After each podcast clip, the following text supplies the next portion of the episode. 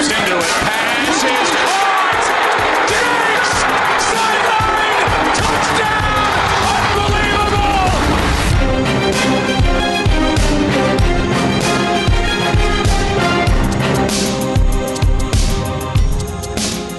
Welkom bij een nieuwe Sport Amerika NFL podcast. Eh, we zijn terug van weg geweest en een iets wat andere samenstelling dan jullie misschien gewend zijn. Eh, ik ben Tom de Vries en op geruime afstand van mij zitten Toon Aarts en Lars Leeftink. Goedemorgen heren.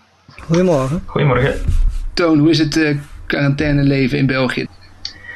Ja, heel ehm, eenzaam zou ik zeggen. We mogen ons huis niet uit.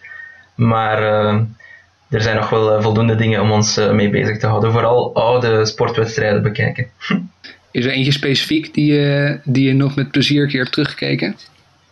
Eh, ja, ik heb onlangs nog naar de Super Bowl gekeken, eh, waar eh, de fameuze 28-3 score tussen Atlanta en New England. dat was een mooie. ik denk dat er mensen zijn die daar wat minder blij mee zijn. Ja, alle Falcons fans zijn nu afgehaakt. Mijn excuses, heren. En Lars, jij weet jezelf volgens mij ook wel bezig te houden met flink wat video-analyses deze tijd.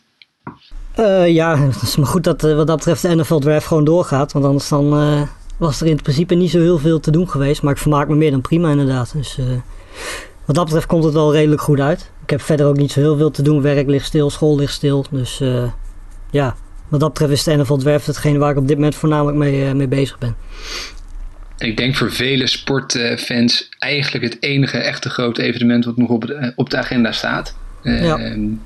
Dus eh, hopelijk zeer interessant voor een, eh, voor een hoop mensen. Ah, we hebben volgens mij een hoop om, over te hebben vandaag. Eh, het topic natuurlijk is de draft die er over korte tijd al aan zit te komen. Maar er is veel meer om over te hebben. Wat laatste nieuws uiteraard. De trade van Brandon Cooks naar de Texans gaan we het even over hebben. Moeten het toch nog eventjes hebben over eh, Brady en de Bucks. Eh, met name Toon, wil toch even weten hoe jij dat allemaal hebt meegemaakt eh, de, de afgelopen tijd. Ehm, en verder gaan we natuurlijk ook even nog kijken naar wat vragen die binnenkwamen van, van luisteraars. Dus die gaan we ook proberen mee te nemen. Om met, maar meteen eventjes met wat laatste nieuws te beginnen. Pijnlijk gisteren, de XFL. Ehm, toch wel een interessante nieuwe ontwikkeling, eh, leek het dit jaar. Is alweer ten einde. hè? Ja, het, het lijkt, wel, het lijkt wel een vloek te zijn. Elk wel, hè, vorig jaar hebben we natuurlijk ook al een voorbeeld gehad. Dat was dan eh, niet dankzij een, een virus, maar gewoon dankzij slechte management. Eh, ja, dit keer is het coronavirus dat er gewoon, eh, tenminste daar ga ik in ieder geval vanuit, ervoor zorgt dat de XFL eh, in ieder geval volgend jaar niet terugkomt. Maar ik denk dat je er überhaupt wel over mag twijfelen of die überhaupt nog terug gaat keren. Eh, want het is het zoveelste voorbeeld van een, eh, van een league buiten de NFL, wat eigenlijk gewoon, nou ja, mislukt buiten het veld. Want op het veld was het volgens mij, tenminste zoals ik het beleefd heb, in ieder geval een heel groot succes. En zijn er nog spelers waarvan jullie denken, nou, die gaan we nog terugzien eh, komend jaar in de, in de NFL? Nou ja, er zijn er al, PJ Walker is natuurlijk al eh gesigned. Dus eh, die gaan we sowieso wel terugzien. Ehm ja, we, valt mij trouwens op dat de beste receiver uit XFL, eh, Phillips, dat die nog volgens mij, van wat ik weet, geen team heeft. Dus ik verwacht eerlijk gezegd dat hij ook nog wel in ieder geval een, een camp invite krijgt. In zoverre een, kamp überhaupt gaat komen. Want dat weet je natuurlijk nu ook nog niet. Ehm, en volgens mij zijn er al zat meer voorbeelden van spelers uit de XFL die al een, een ander team gevonden hebben in de NFL. Eh, in ieder geval voor deze zomer. Eh, het is natuurlijk de grote vraag. Het is natuurlijk wel een niveau omhoog. XFL en NFL is wel een verschil. Ehm, dus de kans dat er heel veel spelers. dat de NFL nu vol gaat zitten met XFL-spelers is heel klein. Maar het was een manier voor hun om, om zich en te laten zien en geld te verdienen. En die is, eh, ja, die is nu eigenlijk door een virus afgepakt. Ja, klopt. Ik heb vanochtend nog gelezen dat er een offensive tackle, zijn naam ontsnapt mij, getekend heeft bij de Chargers. Dus ehm, er zullen wel wat namen zijn die, die terug gaan keren. Maar ik denk nu ook niet, zoals Lars zegt, dat, eh, dat we echt een, eh, een overrompeling van XFL-spelers gaan zien. Maar het is wel heel jammer dat het verdwijnt. En ik, ja, ik vond het best wel leuk om naar te kijken. Er werden ook heel wat Ja. wedstrijden op YouTube geplaatst. Dat was heel leuk voor, eh, voor niet betalende fans, zal ik maar zeggen. Ehm, dus ik vind het wel jammer dat dat, dat alternatief verdwijnt. Maar ik denk dat het nu wel definitief is. Het is al de tweede keer dat ze geprobeerd hebben, dat, dat McMahon geprobeerd heeft om het, eh, om het alternatief naar voren te brengen. En, en nu dat het de tweede maal gefaald heeft, weliswaar door externe omstandigheden, denk ik dat het wel definitief zal zijn. Ja, helaas. Dan de Texans, heren. Wat is daar in vredesnaam aan de hand? Uh, Bill O'Brien lijkt een beetje zijn gezicht te proberen te redden met Brandon Cooks als vervanger van DeAndre Hopkins. Wat moeten we daar nou van denken? Nou, ik had er uh, gisterochtend in eerste instantie was ik, ja, weet je, het, was niet heel verrassend dat je als je Hopkins wegtreedt, dat je dan iemand anders nog als vervanger wil halen. Uh, dat had je ook via de dwerf kunnen doen. Uh, je hebt nu, ja, iemand erbij gehaald die nog volgens mij een contract heeft voor vier jaar. Ongeveer 10, 11 miljoen of zo per jaar. En als je nu kijkt naar alle opties die, die Watson nu heeft. Uh, dat zijn allemaal spelers die in 2016 fantastisch waren. Maar die nu uh, ja, alleen maar vraagtekens zijn. David Johnson weet je gewoon niet wat je daarvan kunt verwachten. Will Fuller is een garantie op blessures elk jaar. Ja. Brandon Cooks heeft ook al hersenschuddingen gehad. Uh, Kenny Stills is de wisselvalligheid zelden. Randall Cobb heeft ook in één keer een contract voor drie jaar gekregen. Op basis waarvan geen idee. Um, de offensive line uh, werd vorig jaar wel wat beter. Maar het is nog steeds natuurlijk een groot vraagteken. Um, en er zit dus, zoveel hè, in deze draft. Dus waarom niet gewoon lekker uh, iets in de, in de, draft ophalen? Er zit echt ja. uh, loaded qua wide receivers. Nou, het ding is natuurlijk wel volgens mij bij de Texans geen first round pick. Volgens mij hebben ze begin second round pick. Dus dan hadden ze inderdaad ja, of naar voren moeten traden. Want je hebt natuurlijk, hè, daar gaan we straks nog over hebben, de drie uh, beste receivers beschikbaar. Dan moet je echt bij de top 15 zitten. Ja. Uh, daarachter heb je wel jongens die mee kunnen draaien. Op zich, als je kijkt naar wat voor opties ze daar hebben, dat dat wel genoeg zou kunnen zijn. Maar ja, weet maar je, ik hoorde zelfs een, uh, ik hoorde een comment, volgens mij was het iemand bij de Raiders, die had zelfs gezegd, de, deze wide receivers klas is zo diep dat zelfs in de vijfde ronde denk ik dat we nog een starter zouden kunnen oppikken. Ja, nee, dat is op zich ook wel zo. De, de, sowieso, uh, de receiverklas is, is dit jaar van alle posities het best, best gevuld. Uh, als je kijkt naar spelers die derde, vierde ronde nog normaal gesproken beschikbaar kunnen zijn. Dan zijn het allemaal spelers die vorig jaar en ook meerdere jaren goed gepresteerd hebben. Dus, maar ja, de vraag is natuurlijk in hoeverre ze dat ook in de NFL kunnen. En ja, als je al zoveel receivers hebt. Um, het zijn allemaal, weet je, prima receivers. Maar er zit ten eerste geen ster in, die je met Hopkins wel had. Ja. Um, en als je echt een ster wil halen, dan moet je denk ik echt bij de eerste drie zitten. Misschien dat Justin Jefferson daar ook nog bij hoort. Uh, maar goed, Justin Jefferson is weer een heel ander type. Dus ja. ja. En dan de Rams eventjes, want die uh, krijgen natuurlijk op zich uh, hier een second round pick voor terug. Maar als we even kijken naar hun salary salarishuis momenteel, dan zie ik nu dat zij 38 miljoen in dead cap hebben volgend jaar voor, voor Todd Gurley en Brandon Cooks. En als je dan nog even het contract van Jared Goff daarbij op, uh, optelt, wat misschien ook niet het beste contract uit de historie van de NFL is, dan zit ze al op 74 miljoen voor deze drie spelers, waarvan er dus maar één ook echt daadwerkelijk speelt voor de Rams volgend jaar. Ja, en, en waarvan er één ook een, geen bewezen difference maker is, vind ik. ik, ik heb het eh, contract van Goff altijd zeer uh, bizar gevonden, want ik vond hem nooit echt de grote difference maker bij de Rams. Dat vond ik dan wel van Gurley voor zijn blessure bijvoorbeeld. Um, en, en nu zitten ze, ja, het is, het is, dramatisch hun, uh, wat, zij daar gedaan hebben. Ik, zei het nog uh, in een discussie op, op Twitter, maar deze moves zouden misschien gerechtvaardigd kunnen geweest zijn mochten ze de Super Bowl gewonnen hebben, want dan win je tenminste iets. Maar nu, nu hebben ze daar die, die dead cap space, die, die ongelooflijke miljoenen die ze moeten uitgeven, voor, waarvan slechts één speler op het veld zal staan. Het is, uh, ja, dat is gewoon een, een schoolvoorbeeld van uh, slecht beleid, van slecht management. Ja. Eens. En wat ik, wat ik ook nog vind is uh, over Brandon Cooks. Ik vind dat je toch ook serieus zou moeten afvragen of die speler nog wel op het veld zou moeten staan, gezien zijn historie met concussions. Mm -hmm. Maar goed, dan gaan we in een heel andere discussie belanden. Maar ik vraag me toch af of dat soort spelers met zoveel uh, problemen al gehad te hebben. En als je ook de beelden ziet van wat hij voor klappen te verwerken heeft gehad. Ja, zou hij nou eigenlijk nog wel op het veld moeten staan? Nou ja, het ding is natuurlijk dat heel veel spelers pas na hun carrière erachter komen wat voor impact dat heeft. Uh, dat ze dus niet tijdens, hè, want je, hij heeft dus nou ja, twee, drie hersenschuddingen gehad. Maar het kan best zijn dat hij daar nu niks van merkt. Maar over tien jaar als hij gestopt is, dat hij dan in één keer begint te merken van ja, uh, ik heb deze klachten en deze klachten en deze klachten. En zolang hij vindt dat hij uh, door middel van Amerika voetbal geld kan verdienen, wat hij als je zijn contract ziet prima kan. ja, weet je, dan is het heel moeilijk om te zeggen van ik, want wat ga je doen als, als Koek zijnde zeg maar stopt. Dat is natuurlijk, eh, je kunt wel zeggen van ik wil coach worden en zo, maar niet iedereen is geschikt om coach te worden. Ehm, je kunt ook zeggen van ik heb op zich genoeg geld, want ik denk dat Cooks niet verlegen zit om geld. Uh, van weet je, ik, ik ja, ga kijken of ik daarnaast een opleiding kan doen of zo. Maar uiteindelijk is dit wat hij het liefst doet.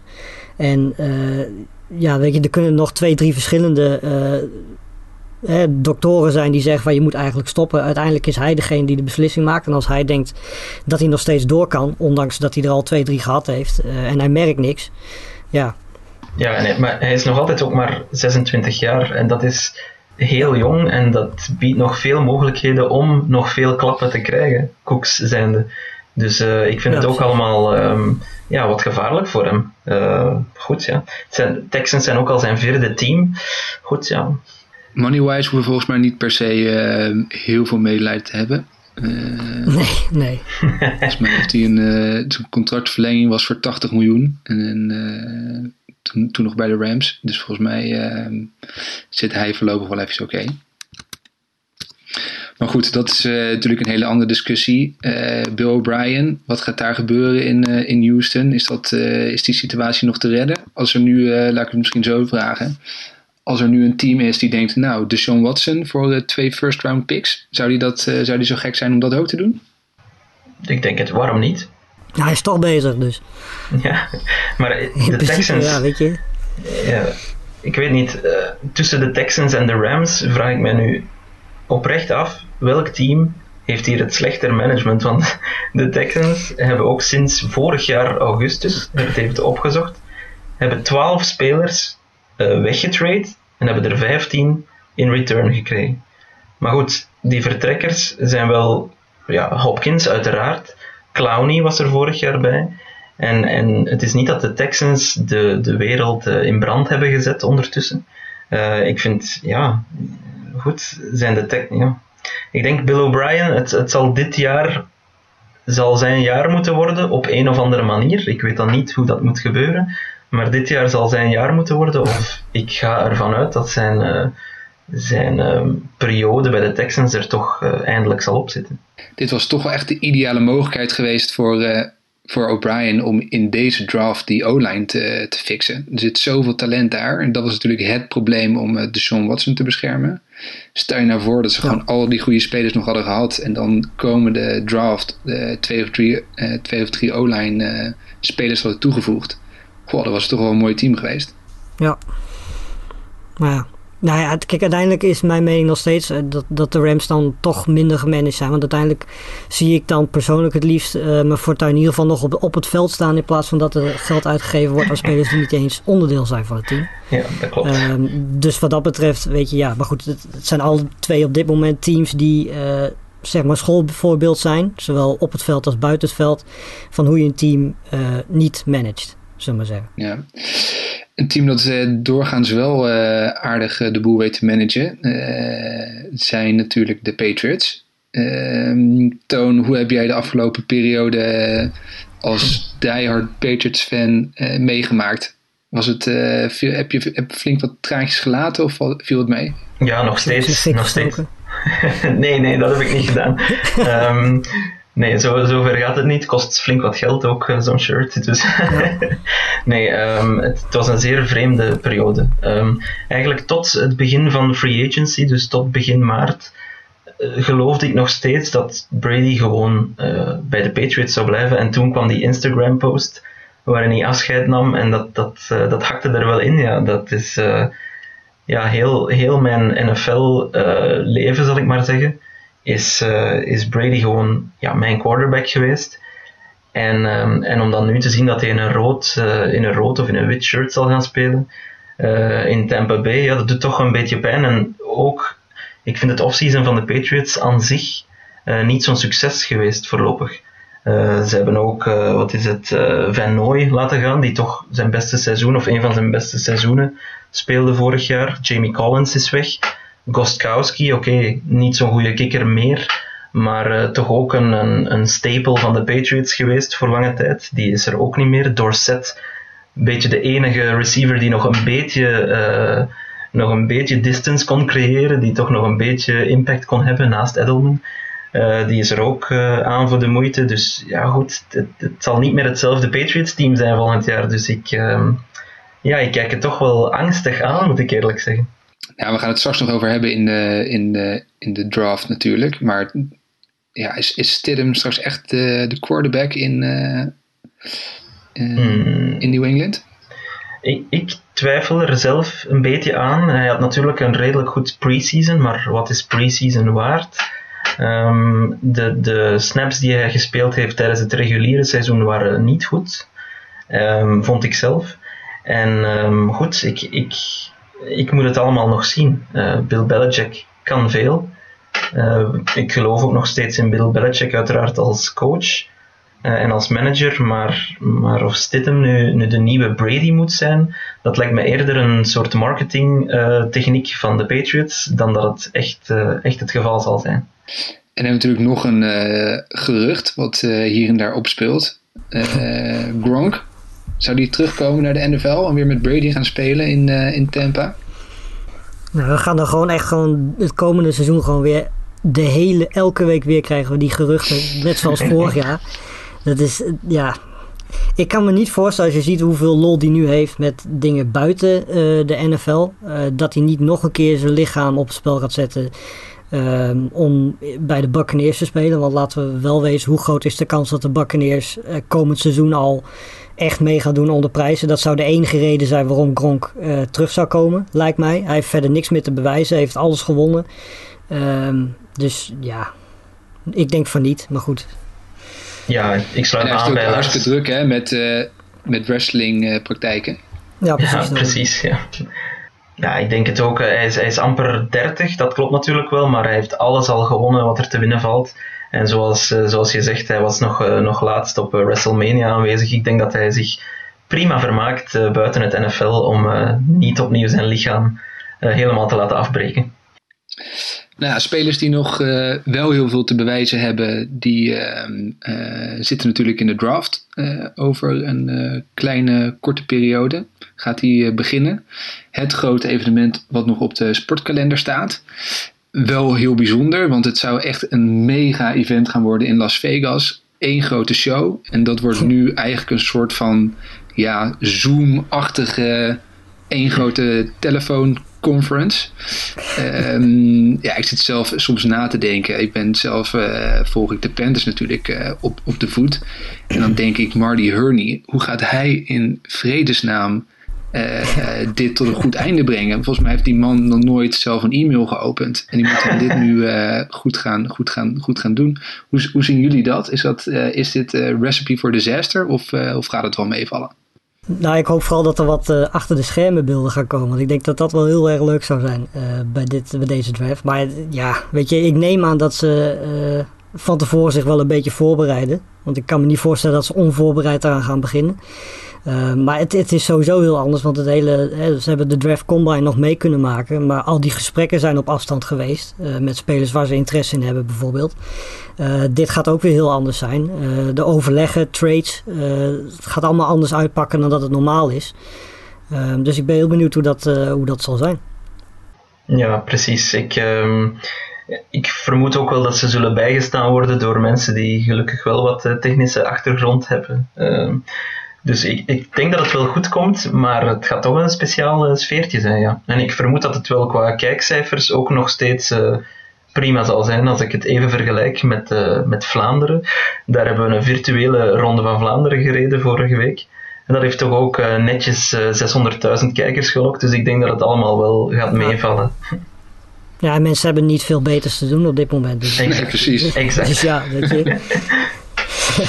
nee, ik denk dat qua kijkcijfers ook uiteindelijk wel goed zal komen. Maar het is toch uh, bijzonder om eigenlijk al die oude mannetjes straks achter een uh, computerscherm te zien, uh, zien ja. zitten. En het is eigenlijk een soort van fantasy draft wat er nu gaat plaatsvinden. Ja, ik begreep zelfs dat ze ook nog een, een paar dagen van tevoren nog een mock draft gaan doen. Om te kijken of alles wel, wel soepel gaat lopen. Ja.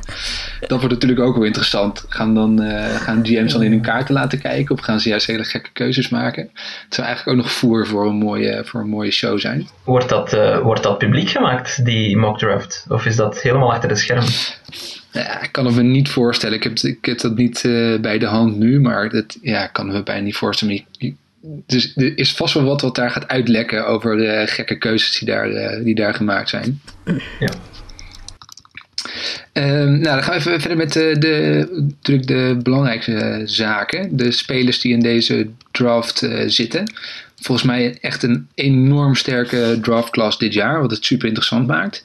Uh, denk in de breedte zeer veel uh, goede spelers. Ik denk dat iedereen in de eerste ronde wel een uh, bijzondere speler kan, kan gaan draften. hoe ik het zie, ik vind toch dat er eigenlijk vijf spelers voor mij echt bovenuit steken. Misschien zes. waarom misschien zes? Ik denk nummer zes, Tua, toch natuurlijk nog een, nog een groot vraagteken. Maar ik denk de andere vijf, dat zijn voor mij echte topspelers. Joe Burrow, uh, natuurlijk de, de grote nieuwe potentiële quarterback. Chase Young uh, is voor mij echt een uh, absolute topspeler. Jeff Okuda zit daar voor mij ook bij. en tot slot zie ik ook Isaiah Simmons en Derek Brown als echt, echte topspelers. Met een heleboel hele sterke O-line spelers daaromheen. Enorm brede wide receiver group. Uh, ja, dit wordt toch wel een bijzondere draft. Hoe, uh, Lars, jij als college voetbal en draft specialist, hoe kijk jij daarnaar? nou, ik denk dat je het net wel goed samengevat hebt. Ik denk dat, dat er sowieso vijf spelers bovenuit steken die jij net genoemd hebt. Dat Tua daar in principe qua talent absoluut bij hoort. maar dat de vragen rondom zijn blessures momenteel gewoon nog net iets te groot daarvoor zijn om hem met zekerheid daarbij te zetten. Um, verder inderdaad, weet je, er zijn gewoon vijf hele goede offensive, uh, offensive tackles. Uh, die op zich ook op offensive line zouden kunnen spelen. Um, waarvan ik persoonlijk op dit moment uh, Willis de beste vind. En Beckton denk ik de meeste potentie heeft. Um, ja, fantastische receiver class. hele goede cornerback class ook. naast Okuda, CJ Henderson. Fulton, nou ga zo maar door. de enige positie waar ik persoonlijk, en dat is de enige positie ook in deze draft die echt redelijk zwak is ingevuld, is tight end.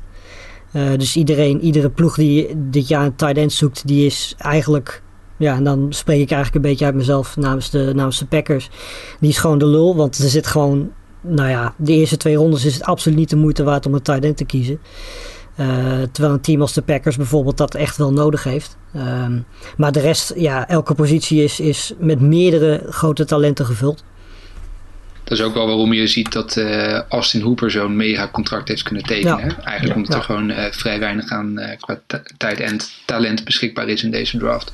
Ja, precies. En Lars, hoe, hoe komt dat dan dat dit jaar op zoveel posities ja, dat de klas zo diep is? Is dat puur toeval? Of wordt er anders getraind in college? Of uh, nou, in principe, ik heb ook al een beetje gekeken naar, naar vorig volgend jaar. En uh, daar zie je bijvoorbeeld weer dat uh, de running back class heel erg getalenteerd is. Dat er een stuk of vier, vijf interessante quarterbacks tussen zit. Dus in principe wisselt zich dat wel af. Maar posities als receiver, daar zitten altijd wel vier, vijf... Uh, jongens in die first round talent uh, hebben. Uh, de defense is wat dat betreft wel een beetje anders dan normaal. Uh, spelers als Simmons komen, uh, Derek Brown, die komen echt niet elk jaar langs. Uh, hetzelfde geldt in mindere maat voor Chase Young. We hebben gisteren, vorig jaar Nick Bosa gezien natuurlijk. Um, maar in principe wisselt dat, wisselt dat per positie wel af. Er zijn een paar posities die af en toe wel, af en toe niet zo breed zijn als dit jaar. Uh, was vorig jaar bijvoorbeeld hadden we twee, misschien drie tight in de eerste ronde.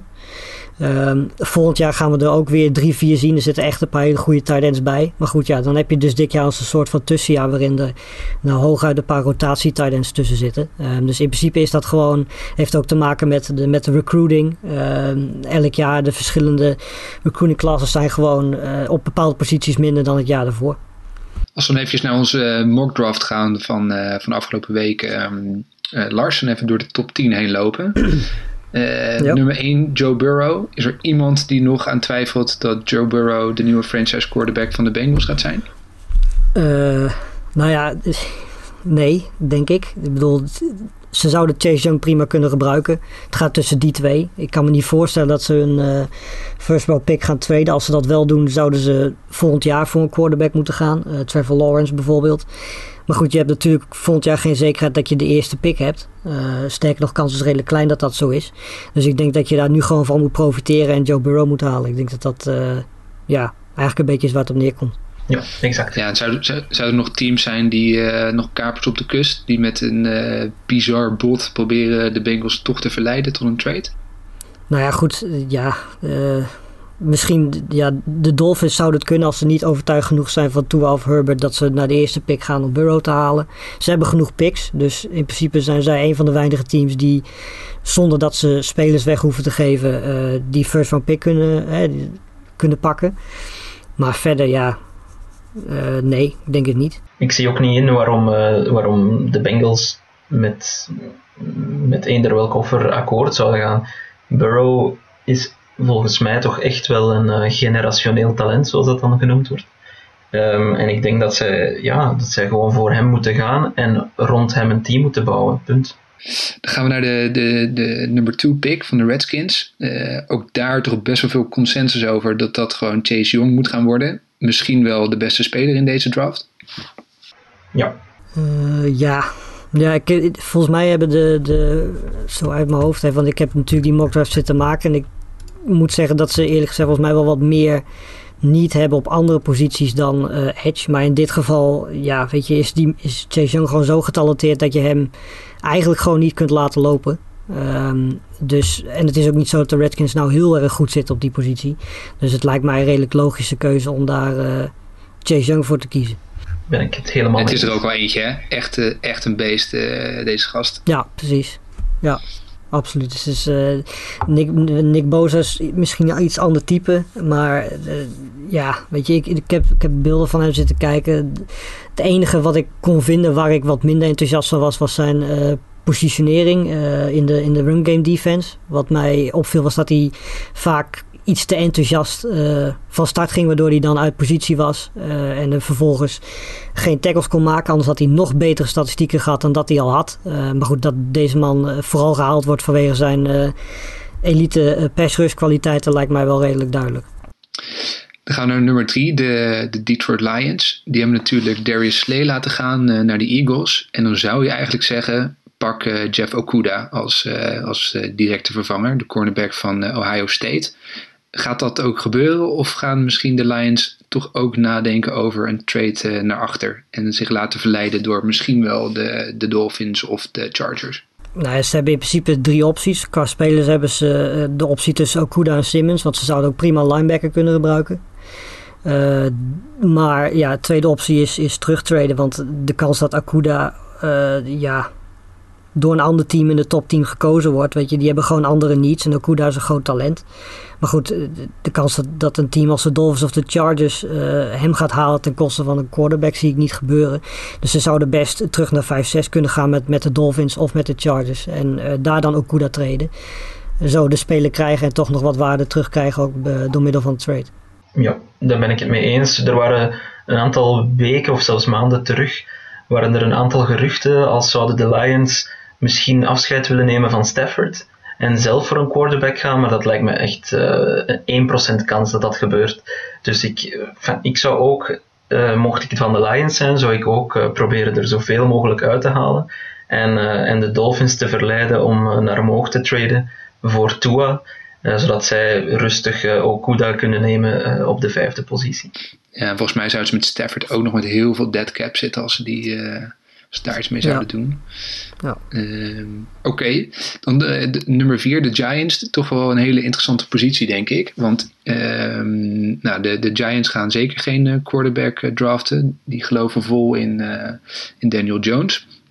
Um, eigenlijk de grootste need die ze hebben is, is toch uh, bescherming voor, voor Daniel Jones. Maar ja, er zijn zoveel sterke mannen waar ze uit kunnen kiezen. Dus waarom zou je dan niet uh, naar achteren traden en hier nog wat uit deze positie proberen te halen? Want er zijn toch vast wel genoeg teams geïnteresseerd om uh, hier iets mee te doen. Dus dit is toch wel een positie die heel erg interessant is en waar mogelijk een trade wel op de loer ligt. Ja, een beetje dezelfde situatie als de, als de Lions in zitten. Want ja, op zich kunnen zij ook makkelijk uh, een stuk of vijf posities terugtreden en nog steeds gewoon een hele goede offensive lineman draften. Uh, ze kunnen ook gewoon kiezen voor kwaliteiten. Want linebacker hebben ze op zich ook nog wel iemand nodig. En Simmons is nog steeds beschikbaar normaal gesproken op plek 4. Ja. Dus dat zou ook nog een optie zijn. Um, en ze kunnen gewoon op 4 ook gewoon offensive lineman kiezen. Maar ik zou net zoals bij de Lions inderdaad proberen of je er het meeste uit kunt halen. En zien of er een mogelijkheid is om wat terug te traden. Want er zijn bijvoorbeeld teams, ja, de Jaguars bijvoorbeeld, die zouden best angstig kunnen zijn dat Derek Brown al op 7 gekozen wordt door de Panthers. Um, dat die zeggen van nou wij willen wel naar 4 traden, zodat we in ieder geval zeker weten dat we een speler als Derek Brown kunnen halen. Ja, en genoeg draft capital, hè? die hebben genoeg om mee, uh, wat mee te doen. Ja, ja.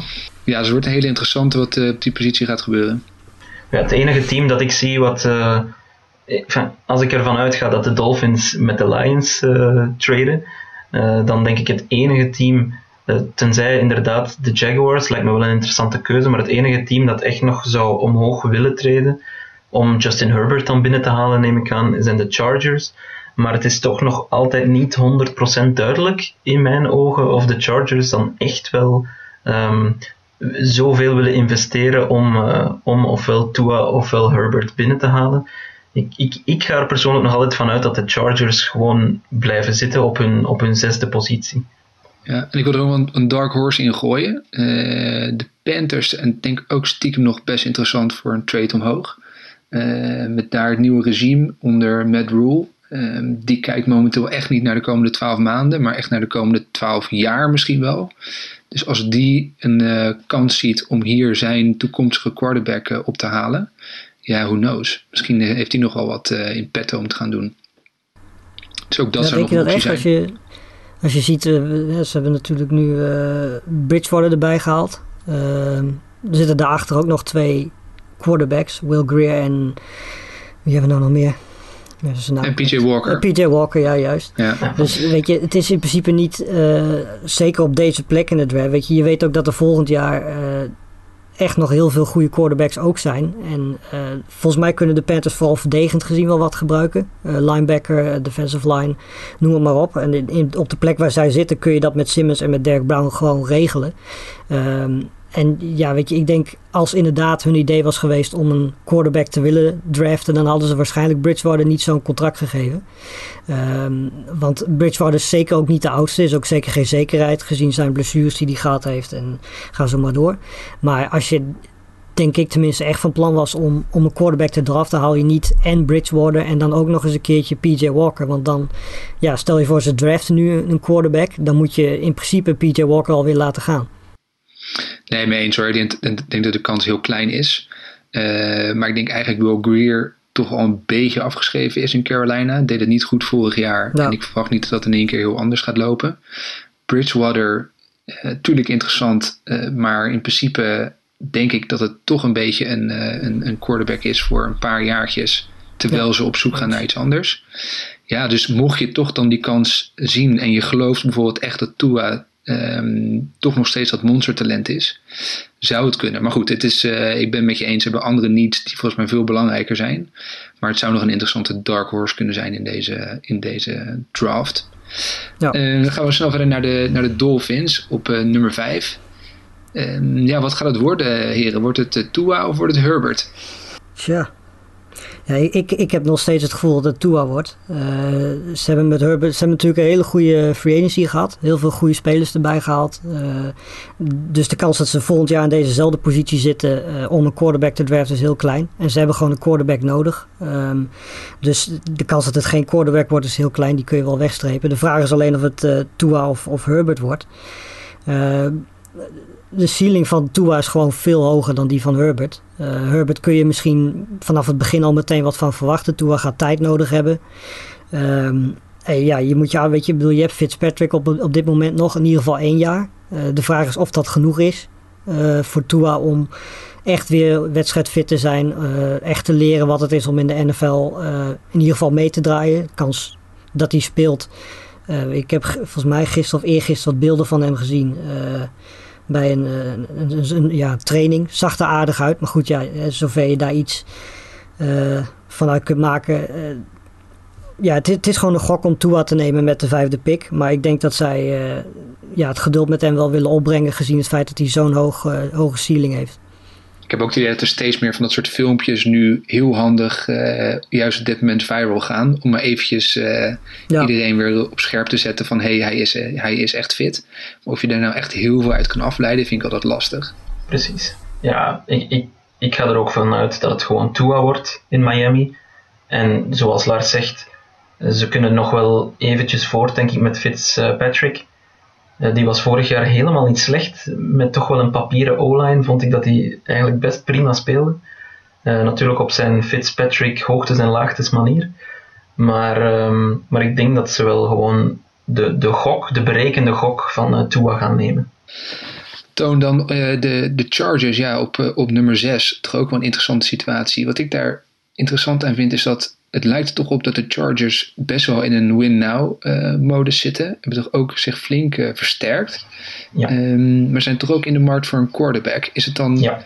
Moet er dan een quarterback komen te staan die ook direct uh, kan presteren? Of wordt het Tyrod Taylor en krijgt deze uh, potentiële nieuwe quarterback de tijd om te groeien?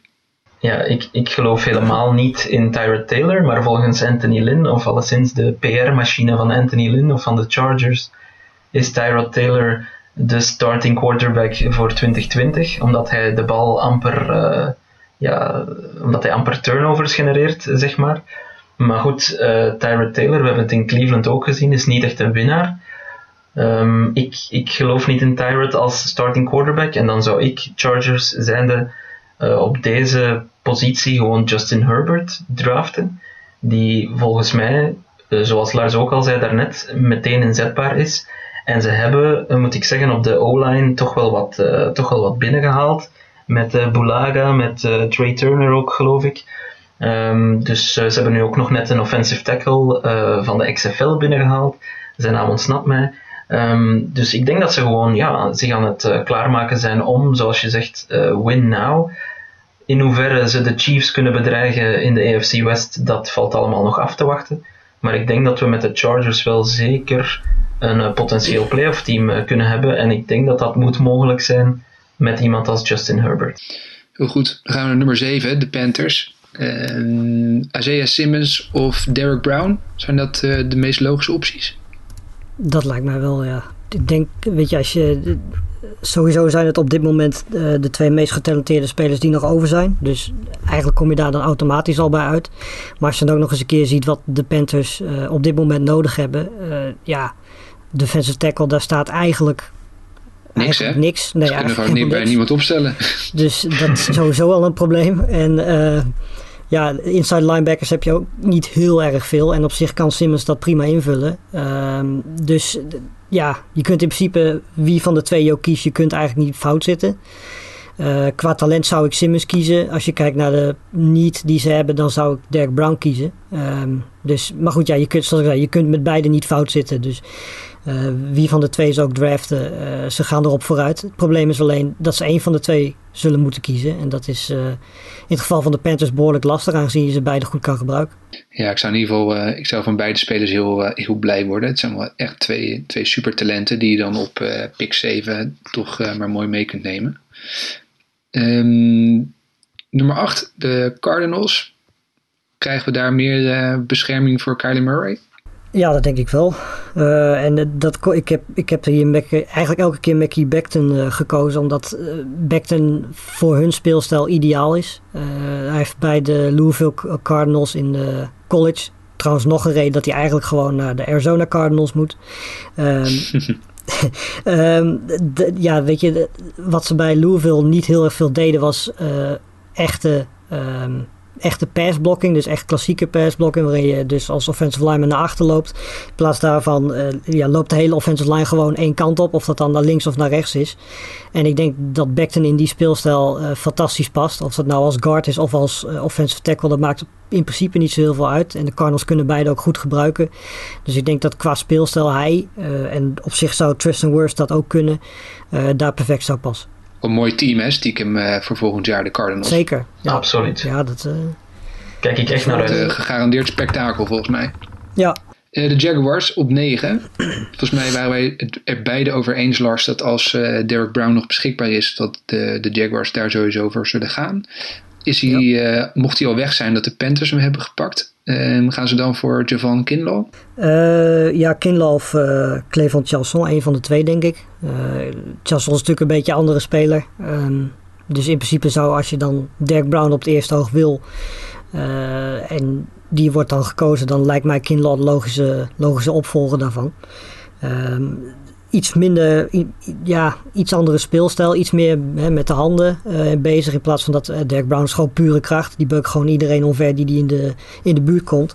En uh, bij Kinlaw is het meer dat hij zijn, zijn armen gebruikt. Ehm, meer technisch begaafd. Volgens mij heeft hij ook wel iets meer technisch talent dan dat Dirk Brown heeft. Dus ja, daar waar Dirk Brown meteen, meteen een impact gaat hebben in de NFL uh, en dat ook jaren zal doen omdat hij gewoon zo sterk is, gaat Kinlaw denk ik alleen nog maar beter kunnen worden. Uh, misschien heeft hij potentieel wel wat meer talent dan dat Dirk Brown heeft. Dus uh, ja, we gaan zien. Maar ik denk inderdaad als Dirk Brown al gekozen is, dan is Kinlaw de tweede optie. Ja. Laatst in de, in de top 10, de Cleveland Browns. Nou, dat zal even wennen zijn voor iedereen in Cleveland. Dat ze zo lang moeten wachten tot ze mogen ja. draften. Um, ook hier is, toch, ja, is iedereen het wel over eens. Hè? Er moet ook gewoon hier uh, iets komen om uh, Baker Mayfield beter te kunnen beschermen. Absoluut. Ja, en uh, ik had in principe, had ik, ja, ze hebben misschien de grootste niet is op dit moment wel linebacker. Daar hebben ze volgens mij aan de binnenkant hebben ze wel wat spelers, maar aan de buitenkant hebben ze eigenlijk helemaal niks. Uh, dus daar zou bijvoorbeeld een Simmons perfect passen. Dus let er ook op dat zij misschien een team zouden kunnen zijn uh, die naar voren draft. Met bijvoorbeeld de Giants of de Lions om alsnog een Simmons te halen. Maar als zij gewoon op hun plek blijven staan, dan lijkt mij uh, ja, offensive tackle de meest logische keuze. Ja, en als Tristan Wirfs daar nog zit bijvoorbeeld, nou, dan heb je natuurlijk wel echt een fantastische speler te pakken. Precies, met heel veel talent om te ontwikkelen verder. Dus. Maar dan zien we eigenlijk in de top 10 opvallend genoeg nog geen uh, wide receivers. terwijl er wel enorm veel uh, talent is. Misschien leuk om eventjes door, uh, ja, dus een, door een duidelijke top 3 qua wide receivers. Om daar even doorheen te lopen. de drie grote namen zijn Jerry Judy, C.D. Lamb en Henry Ruggs III. Lars, eh, maak ik de juiste vergelijking als ik Judy eigenlijk vergelijk met een Amari Cooper, en Lamb met een DeAndre Hopkins en Ruggs met uh, Tyreek Hill? Zijn dat de juiste vergelijkingen? Ja, ik denk het wel. Tyreek Hill heeft natuurlijk iets meer ook nog talent als, als running back. Dus dat zie ik eerlijk gezegd Henry Ruggs niet doen. Maar de mobiliteit die hij heeft, de snelheid die hij heeft, de manier van spelen, hè, de, de deep threat die Henry Ruggs is, is persoonlijk ook mijn favoriete wide receiver. Dus in principe ja, gaat die vergelijking wel op. Maar Jerry Judy vergelijkt met Amari Cooper is perfect. Het is een van de, ja, beste wide receivers qua uh, route running die ik in een draft heb gezien. Het is echt ongekend op hoe hoog niveau hij nu al zit. Uh, en de komende jaren, zeker als hij nog jong is, atletisch is, dat ook nog zal zijn. En met ervaring gaat hij alleen maar beter worden. En CD Lamb is inderdaad, ja is gewoon een mismatch voor zo'n beetje elke cornerback die hem moet verdedigen. Uh, hij is snel, lang, uh, goed aan de zijkant. Uh, ja, die heeft, dat is eigenlijk de meest complete wide receiver in deze, in deze draftclass. Toon, als je er eentje zou moeten kiezen, wie zou, ja. wat is jouw favoriet? Maar als, ik, als ik puur ga op wie kan kan een, een gekke play of een, een, een ongelofelijke difference maker play uit zijn hoed toveren, dan denk ik dat we bij CD Lamb uitkomen. Omdat hij inderdaad uh, mismatcht met ongeveer iedereen op het veld. Uh, er was natuurlijk ook dat, dat, uh, dat filmpje dat heel snel viraal is gegaan van CD Lamb van, van, op, de, van op de combine. Dat was geweldig. Dus goed, ja, al moet ik wel zeggen, met iemand als, met iemand als Jerry Judy heb je volgens mij toch ook gewoon voor voor een heel, heel aantal jaren heb je gewoon een hele goede wide receiver eh, in je team zitten waar je verder, hoe zal ik het zeggen, niets mee moet doen, want hij, hij vindt wel de oplossing. Ehm, maar mijn persoonlijk gevoel, als ik als zeg maar neutrale kijker, zou ik misschien voor CD Lamb gaan. Nou, als we dan heel even iets verder kijken nog uh, in de first round. Uh, er kwam een vraag binnen van Josh Aki. Um, en dat ging over de first pick voor de Eagles. Gaan die ook een uh, wide receiver pakken later in de, in de draft? Nou ja, volgens mij komt zo'n beetje elke mock draft bij Justin Jefferson uit. Ja, ik weet niet of iedereen dat gewoon overlegt bij elkaar of zo. Maar zo'n beetje iedereen komt bij hem uit. Uh, maar ze hebben ook wel wat nodig op die positie natuurlijk. Ja, zeker. Nee, absoluut. Weet je, als je ziet wat daar nu rondloopt, dan word je daar niet heel erg extreem vrolijk van. Uh, dat was het afgelopen jaar ook al niet per se zo. Uh, maar met Justin Jefferson hebben ze wel, weet je, in principe is hij een slot receiver. Net zoals een Jerry Judy dat in principe ook is. Maar net zoals hij kan hij ook gewoon prima aan de zijkant spelen. Uh, goede route runner. Uh, heel goed in de endzone ook. En ja, de enige positie anders dan receiver die ze zouden kunnen kiezen is linebacker. Want daar kunnen ze ook wel wat gebruiken. Uh, en een speler als Kenneth Murray zal waarschijnlijk nog wel beschikbaar zijn. Um, maar het lijkt mij heel moeilijk om als Eagles zijnde niet een receiver te kiezen met pick 21. Het zou een stiel zijn hoor, als Murray er nog is op die, ja. op die positie. Maar dat, dat is de vraag natuurlijk. Want in principe, ik heb hem op 24 naar de Saints uh, gaan. Qua talent is dat eigenlijk bizar. Als je naar 24 zou gaan. Maar als je kijkt naar al die teams die daarvoor zitten. Uh, ja, er zitten niet heel veel teams tussen die als grootste niet een linebacker hebben. En er zullen vast wel teams zijn die dan vervolgens op talent, op basis van talent zouden kunnen zeggen van nou weet je, Kennen Murray is nog beschikbaar. We hebben in principe genoeg linebackers, maar we kiezen hem toch. Um, in principe zou hij gewoon in de top 15 moeten staan qua talent. Maar goed, ja, weet je, er zijn zoveel teams in top 15 die een receiver nodig hebben, of die een offensive line nodig hebben, of die een cornerback nodig hebben. Uh, ja, dat ik op zich hem best naar 21 zie zakken en dat de Eagles hem dan zouden kunnen kiezen als ze er niet voor kiezen om een receiver te, te pikken. Zegt ook wel wat over talenten hè, in deze drafts. Dat je ja. op die positie nog zo'n speler mogelijk zou kunnen oppikken. Dat is wel echt uniek. Absoluut. Uh, toon toch nog even naar de Patriots dan. Uh, want Lars en ik kwamen eigenlijk in onze mock draft er niet helemaal uit. Uh, Lars ging toch voor een quarterback met Jordan Love van ja. Utah State. ik ging voor, voor AJ Epinesa als edge rusher. Wat, wat, wat denk jij? Ja, ik denk eerlijk gezegd dat ze toch ook voor de quarterback optie zullen gaan. Um, ik denk dat Jordan Love is een heel goede, goede optie, denk ik, om daar te hebben. En die kan ook gewoon uh, wel de strijd aangaan, denk ik, met Stidham. Ik denk, ja, als je ziet wat er achter Stidham komt, uh, Brian Hoyer. Um, volgens mij loopt uh, Cody Kessler er ook nog ergens rond. raar maar waar. Um, ja, goed, daar, daar word je als Patriots-fan niet vrolijk van, zou ik zeggen. Um, dus dus ik, ik hoop en ik denk ook wel eerlijk gezegd dat ze nog voor een quarterback-optie gaan gaan. En dan vermoed ik, zoals Lars ook zegt, dat, dat ze bij Jordan Love zullen uitkomen. Ik heb ook aan een scenario gedacht waarbij iemand als Herbert heel laag zou vallen of de Patriots omhoog zouden traden, maar de Patriots hebben niet zo gek veel kapitaal, denk ik, om, uh, om omhoog te traden. En, um, en Herbert zal, uh, het is zo goed als onmogelijk dat, dat Herbert zo laag valt. Uh, in de draft, denk ik. Dus uh, ja, mijn, mijn absolute droomkeuze zou Justin Herbert zijn. Maar goed, uh, Jordan Love is denk ik wel een prima optie om dan de strijd aan te gaan met een Stidham die nog alles moet bewijzen. Nou, het is natuurlijk ook een win-win situatie, want Stidham heeft eigenlijk nog geen jaar gehad waarin hij zich kon laten zien. Klopt. Als je Jordan Love erbij haalt, kun je Stidham de kans geven. Jordan Love kan dan de offense leren kennen. Als Stidham dan teleurstelt, heb je Love achter de hand die veel meer talent heeft dan dat Stidham heeft, uh, potentieel.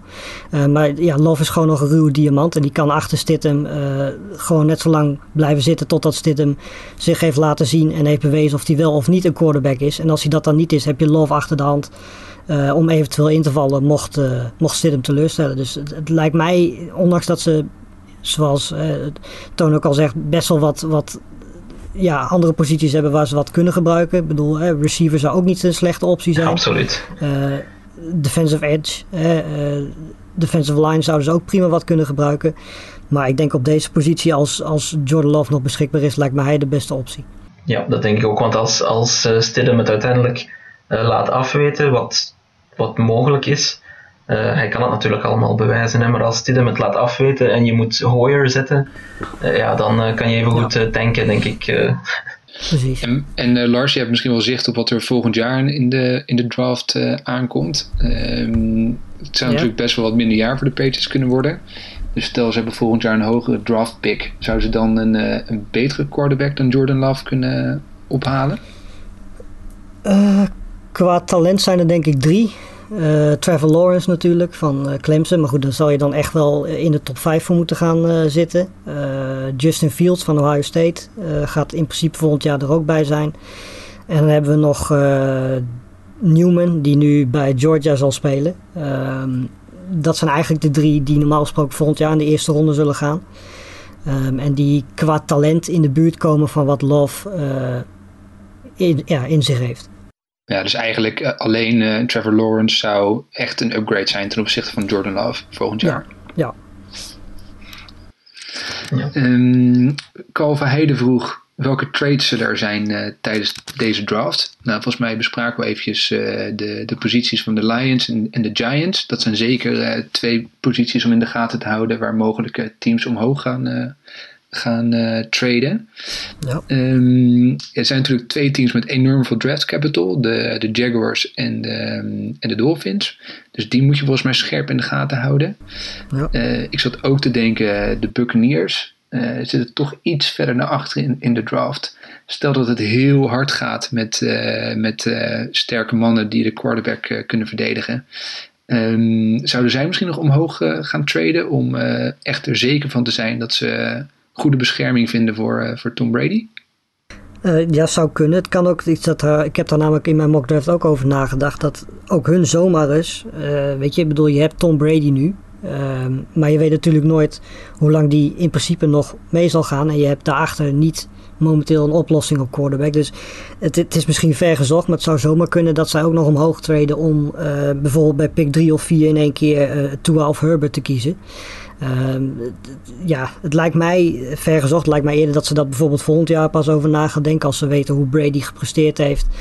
Uh, enzovoort, enzovoort. Maar ja, het zou zeker niet gek zijn. En ze hebben offensive tackle nodig. Ik heb op 14 dan uh, nog wel hun offensive tackle draften. Maar ja, er is natuurlijk zeker een mogelijkheid dat die gewoon weg zijn als zij op 14 moeten kiezen. Um, dus het zou zeker niet gek zijn als zij traden bijvoorbeeld met de Giants om een offensive line te, te draften. Ja, nog andere teams die eventueel in de markt zouden zijn om uh, nog, nog iets te doen omhoog? Nou, de Vikings, die hebben twee picks aan het einde van de eerste ronde. 22 en 25. Dus het zou zomaar kunnen dat ze zeggen van we geven die twee op voor een pick in de top 15 of zo. Uh, want ook die kunnen natuurlijk wel met vertrek van Dix bijvoorbeeld een goede receiver erbij gebruiken. Uh, ja. matige secondary waar ook genoeg talent is om iemand te draften. Dus dat, dat is ook nog wel een team die ik zou in de gaten houden. En ja, de Packers, weet je, die hebben in principe niet zo heel veel draft capital. Maar als je kijkt op de plek waar ze zitten. Uh, hun twee grootste needs zijn linebacker en receiver. En op die plek zijn eigenlijk normaal gesproken. Je hebt geluk als een Denzel Mims uh, of Patrick Queen nog in je. Uh, op die plek beschikbaar is. Het zou zomaar kunnen dat ze zeggen: wel, weet je, we geven gewoon. Want ze hebben aan het einde van de draft heel veel picks van we geven een paar van die picks of op een speler op om uh, ja, een paar plekken verder te gaan. Dat hebben ze vorig jaar ook gedaan met safety. Dat heeft uh, redelijk goed uitgepakt. Uh, dus wie weet uh, dat de Packers ook nog een trade zouden kunnen maken. Nou, we gaan het allemaal zien over twee weken. heel spannend. Ik kijk er al flink naar uit. We gaan de komende ja, een anderhalve week nog goed in de gaten houden wat er allemaal gaat gebeuren. Er komt misschien nog wel een, eh, een tweede mock draft vlak voor uh, dat uh, de echte draft gaat, gaat plaatsvinden. Um, ja. Heel spannend. Eventjes nog op het einde leuk om terug te komen op, een, op het vragen die, die binnen zijn gekomen via ons Twitter-account. Um, Matthijs Brugging vroeg ons welke club heeft de beste zaken gedaan tijdens de free agency periode. Wie, wie is er opgevallen? Um...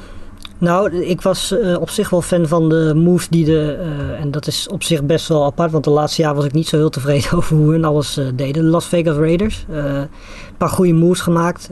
Mariota erbij gehaald als backup voor Carr. Want je weet natuurlijk nooit wat Carr ja, qua prestaties laat zien. Er is al zoveelste jaar dat er twijfels is over hem. En ja, nu hebben ze in ieder geval een backup die beter is dan Nathan Peterman. Dus dat is sowieso al een overwinning. Ehm, dan hebben, we, eh, hebben ze een paar receivers erbij gehaald. Uh, maar het gaat mij eigenlijk vooral om het feit dat ze vooral verdedigend gezien beter zijn geworden. Um, met aanwinsten als Corey Littleton, die echt voor een, een, een koopje is gehaald. 11,7 miljoen per jaar. Dat is echt vergeleken met wat andere spelers gehaald hebben. Als linebacker uh, is dat echt een hele goede aanwinst. Um, nou, Lamarcus Joyner hebben ze natuurlijk. dus ze hebben, ze hebben echt wel een goede, goede periode gehad. En ja, ik kan me zo even 1, 2, 3 uit mijn hoofd niet bedenken wie er nog meer uh, voor mij uitblinken waren. Het blijft overigens gek om je de Las Vegas Raiders te horen zeggen. Ja, ja klinkt nog steeds uh, een, beetje, een beetje vies of zo. Ja, ik, ik, vind dat, uh, ik vind dat de Chargers eigenlijk een heel goed uh, offseason hebben gehad. Um, en ik vind het een beetje zuur voor uh, Philip Rivers, want ze hebben nu pas beginnen ze aan hun offensive line te werken, heb ik de indruk. Uh, met Turner, met Zulaga. Ja. Maar ze hebben ook uh, defensief uh, hebben ze toch Chris Harris binnengehaald. Toch wel echt een, echt een monster. En Linval Joseph vind ik toch ook een hele goede toevoeging. Dus ik, ik, verwacht wel wat van de Chargers. Alleen als het met Tyrod Taylor moet zijn, dan, dan vrees ik er een beetje voor. Um, maar aan de andere kant, in de AFC, bij de Indianapolis Colts, heb ik toch ook wel de indruk dat zij er echt wel voor gaan dit seizoen. Ik denk. Um, ik denk ja, met Rivers als quarterback achter die, die stevige O-line, denk ik dat, dat we echt wel rekening mee moeten houden met de Indianapolis Colts. En ik zie ze best wel ver komen eigenlijk met, uh, met Rivers, die toch nog één keer zijn kunstjes uh, zal, willen, zal willen bewijzen. Ja, er komt toch wel een mooi team te staan. Hè? Ik denk dat een ander team wat ook nog wel interessant is om te noemen, zijn toch wel de Bengals. Uh, ja, een team wat toch vaak heel conservatief handelt en weinig uh, geld uitgeeft in free agency. Nou, die hebben nu toch waarschijnlijk met uh, de, de komst van uh, Joe Burrow in het achterhoofd echt flink geld uitgegeven en een aantal spelers binnen, binnengehaald. Dat vind ik toch ook wel een team wat ja, toch wel opvallend actief is geweest en, en flink met, met zakken geld aan het strooien is geweest. Klopt. Heel atypisch voor hen. Ja, hè? maar wel waarschijnlijk toch ook met het idee van, uh, hey Joe, we gaan wel echt uh, een, een, mooi team bouwen hier uh, voor je. Hey, tot slot mannen, er kwam er nog een vraag. Even kijken, wie was dat? Joël van der Velde vroeg of we komend NFL-seizoen elke week weer een podcast gaan maken. Nou, ik, afhankelijk van hoe deze beluisterd wordt, gaan we denk, daar denk ik zeker over nadenken. Um, daarvoor moet inderdaad wel het seizoen ook echt doorgaan. Dat is natuurlijk ook allemaal een de vraag. Um, maar ik denk zeker dat we nog even terug gaan komen. Uh, het zij vlak voor de draft of toch zeker eventjes na de draft. Want er zal waarschijnlijk heel veel na te bespreken zijn over wat, uh, wat er daar allemaal gaat gebeuren. Zeker ja. met een hele spannende eerste ronde waar, uh, ja, waar er toch wel echt de spanning er flink op zit. Ja, absoluut. Heel mooi. Goed. Any last comments? Zijn we nog iets vergeten te, te benoemen? nee, volgens mij niet. ik hoop ik hoop uit de grond van mijn hart dat het seizoen uh, plaatsvindt. Maar uh, met de coronasituatie momenteel en het leiderschap of het gebrek daaraan in Amerika, wordt het, uh, wordt het toch allemaal afwachten. Nou goed, volgens mij heeft de president duidelijk gemaakt aan de, aan de commissioner dat het hoe dan ook het seizoen moet gaan starten. Maar goed, wat we daar van die woorden moeten geloven, dat is natuurlijk ja, maar zeer de vraag hoe serieus ze dat, uh, dat moeten nemen. Nou, als het zonder fans moet, dan, uh, ja, weet je, van mij hoeft het dan niet. Dat, uh, ik, vind, ik vind sport zonder fans, dat hebben we ook al een beetje voordat het echt uit de hand liep bij het voetbal gezien, hoe dat er dan uitziet. ik, ik hou dat persoonlijk, als ik dan kijk, hou ik dat vijf minuten vol en dan zet ik het uit. En dan kan het nog Juventus Inter zijn bijvoorbeeld. Mm -hmm. Ja, weet je, alles valt dan gewoon weg. Uh, wat mij betreft. En als, als dat in de NFL ook op die manier moet, dan hoeft het voor mij liever niet. Ja, vind ik ook. We gaan het allemaal zien. In ieder geval uh, staat er nog wel een mooi evenement over anderhalve week op de planning. Uh, voor mij staat die groot uh, zwaar onderstreept in de agenda. Uh, de Als draft. enige ook waarschijnlijk. Als enige, ja. Er zit hier leeg. en uh, we gaan het allemaal in de gaten houden. En kijken of inderdaad Joe Burrow straks de nummer 1 pick gaat worden. En de nieuwe quarterback van de Bengals gaat worden. En ja, ook de rest van die eerste ronde wordt, wordt super interessant.